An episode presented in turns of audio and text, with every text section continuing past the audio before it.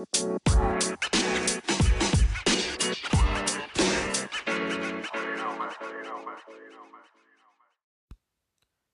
welcome back to another World Podcast, podcast yang membahas berbagai macam isu transportasi yang dibahas secara ringan dan santai bersama gue Insan Rido. Episode 51 Rono World Podcast, kali ini gue akan membahas soal kereta cepat yang menjadi perbincangan hangat ya beberapa hari ke belakang.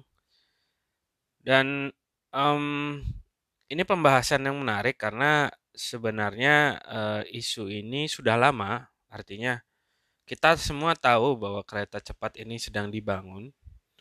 Dan uh, sampai hari ini proyek ini menuai banyak uh, polemik ya di media terutama. Dan gua di sini akan coba membedah secara singkat ya karena nanti mungkin gua akan membedahnya lewat tulisan tapi gua mungkin menceritakan beberapa hal yang perlu kita sama-sama pahami ya di dalam uh, konteks kereta cepat Jakarta Bandung ini. Jadi um, isu yang muncul ke permukaan baru-baru ini adalah soal uh, pembekalan biaya ya atau cost of run. Jadi sebelum gua bahas soal uh, kereta cepat Jakarta Bandung, gue coba mungkin secara singkat membedah soal cost of run ini ya. Jadi cost of run ini adalah biaya yang dikeluarkan di luar perencanaan yang sudah dilakukan jauh-jauh hari gitu. Dalam suatu proyek cost of run ini cukup uh, lumrah terjadi ya. Artinya ini bukan sesuatu yang wah luar biasa di luar kebiasaan uh, dan tidak begitu aneh juga ya. Apalagi kita melihat proyek-proyek konstruksi atau infrastruktur di Indonesia. Ini pun terjadi di semua di semua rezim pemerintahan ya, tidak hanya pada saat Pak Joko Jokowi saja, tapi pas eh, zaman SBY, Megawati, dan bahkan sebelumnya pun seperti itu gitu. Dan eh, cost run ini juga sebenarnya bukan suatu yang harus dibesar-besarkan sebenarnya. Karena memang secara rata-rata proyek ya ini berdasarkan riset eh, itu akan mengalami pembekalan biaya eh, dari mungkin sekitar 20 sampai 25 persen. Jadi sebenarnya ini bukan sesuatu yang bisa dikatakan dosa besar gitu ya atau dari sebuah manajemen proyek mungkin.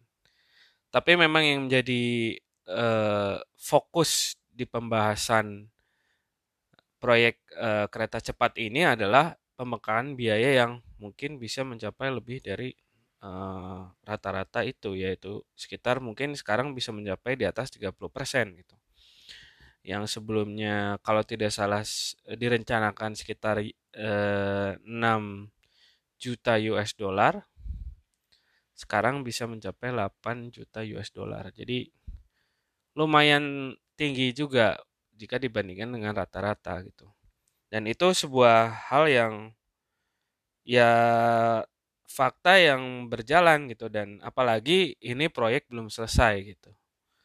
Itu yang harus menjadi catatan.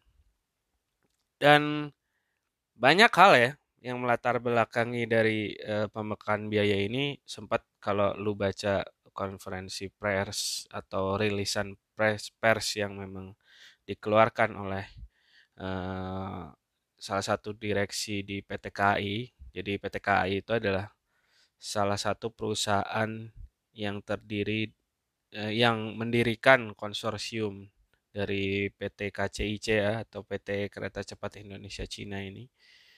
Dia meliris be beberapa data seperti tadi ya, uh, besaran pembekakan biaya atau cost of run dan juga beberapa fakta lain. Tapi yang gue lihat di luar sih memang punya banyak masalah ya dari sisi uh, pembangunan. Artinya ini kan proyek kereta cepat pertama uh, di Indonesia yang mungkin butuh banyak sekali uh, waktu untuk bisa dikerjakan. Artinya tidak serta merta ini pekerjaan yang mudah gitu. Karena ini proyek pertama dan juga yang gue lihat di dalam konteks KCIC itu adalah eh, format bisnis atau struktur bisnis yang memang berbeda gitu. Uh, di di media sosial banyak banget yang membicarakan soal uh, pendanaan ya. Artinya kalau kita ingat beberapa tahun ke belakang sebelum proyek ini dimulai, ada pembicaraan soal pendanaan dari luar kan. Tentunya ini adalah pendanaan dari luar proyek ini sebagian ya dan juga disupport oleh beberapa negara yang memang dulu ingin eh, ingin ingin terjun dalam proyek ini gitu. Jepang adalah salah satunya yang memang gue lihat dari info-info yang gue dapat mereka cukup memberikan rencana yang cukup uh, taktis ya dan strategis untuk membangun kereta cepat ini gitu. Dan kita juga mungkin saat kita masih kecil ya atau beberapa waktu lalu kita tahu kereta cepat di Jepang itu cukup terkenal dengan kereta cepat Shinkansen-nya ya. Jadi eh, cukup familiar lah kita dengan Jepang ya, dengan dengan Jepang yang memang punya rekam jejak cukup oke okay gitu dalam kereta cepat. Di sisi lain ada Cina yang sanggup memberikan dukungan dana dan juga teknis soal kereta cepat.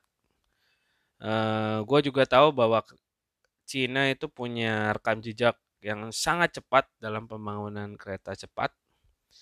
Jadi ya sebenarnya kalau gue coba head to head ya antara Jepang dan Cina, ini ya punya plus minus tentunya gitu. Dan gue sebenarnya nggak mau terlalu mendalami apakah kita salah ya memilih Cina daripada Jepang.